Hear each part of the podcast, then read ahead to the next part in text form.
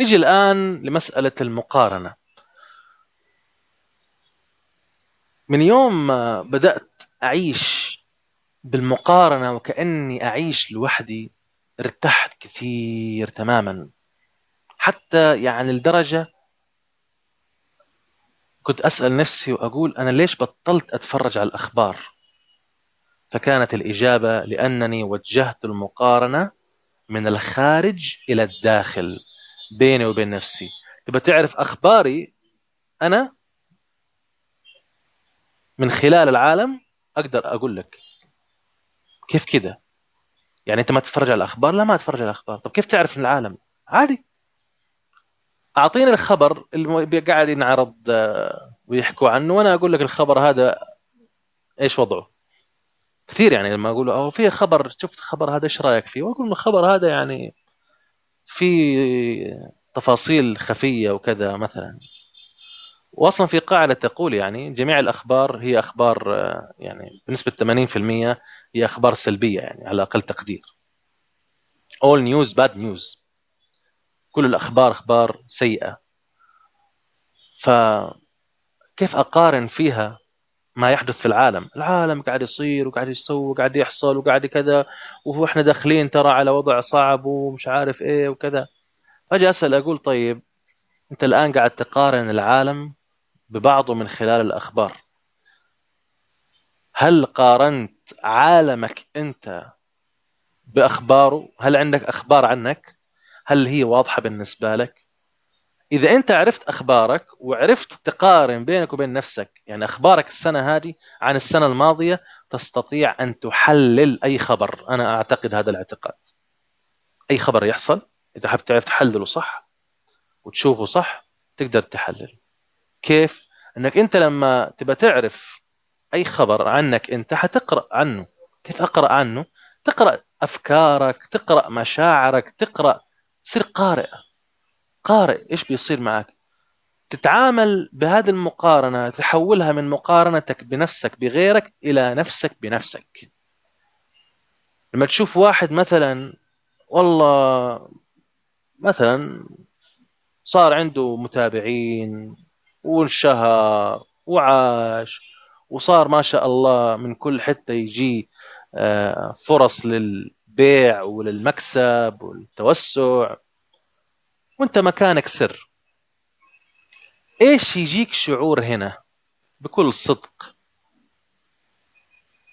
على أقل تقدير إذا ما عندك شيء تعمله أو خلي أحطها فيه أنا يعني إذا أنا ما عندي شيء أعمله راح لا اراديا يعني أنا إنسان في النهاية راح أحسد هحقد. وهنا يبدأ على فكرة للأسف يعني. المقارنة لما تتسع دائرتها بيني وبين الآخر وهو الكفة الأقوى والأفضل هذا مدخل للحسد وللحقد وللكره. لكن لما أخلي المقارنة هذه نفسها بيني وبين نفسي هنا يتحول الموضوع من حقد وحسد وكره إلى حب وشكر وتواضع. تحول إلى حب شكر تواضع.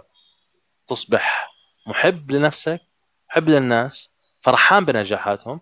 تصبح شاكر لنفسك اللي أنت فيه. الحمد لله بمعنى على كل حال. وعندك تواضع.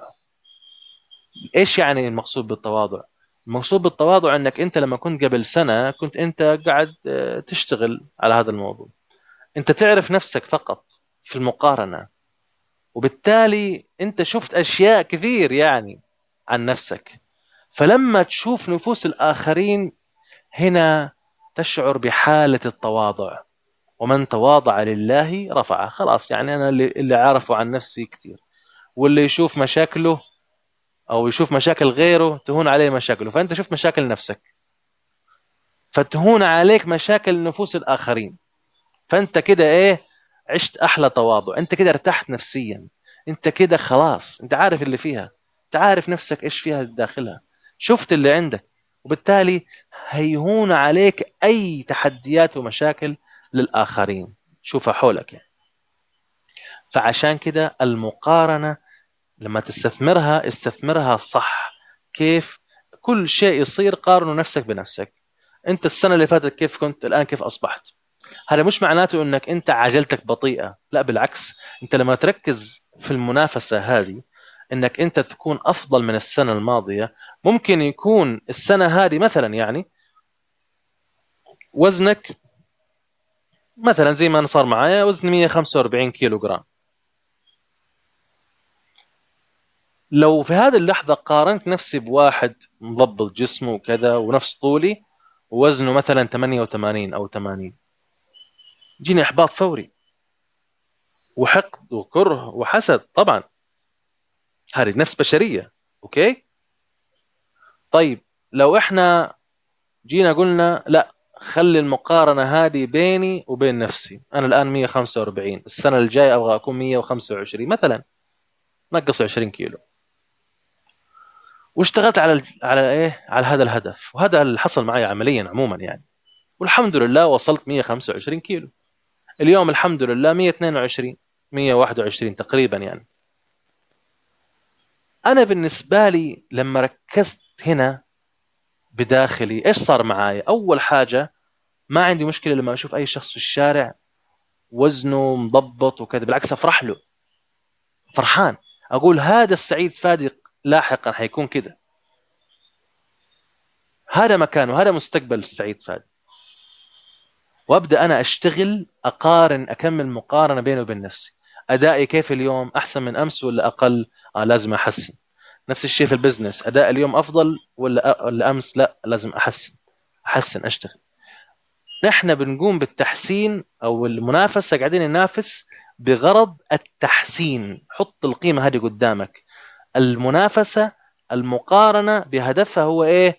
التحسين. مش مين أحسن ومين أسوأ. مين المركز الأول ومين المركز العاشر. لأ. هذا المركز حتحصل عليه لما توصل أنت بينك وبين نفسك في قمة التحسين على مدى العشر سنوات الجاية. هذه اللعبة العبها صح. هي هذه. هي هذه. هذا هو السر في المقارنة كيف تحول لصالحك خلي المقارنة بينك وبين نفسك بهدف التحسين.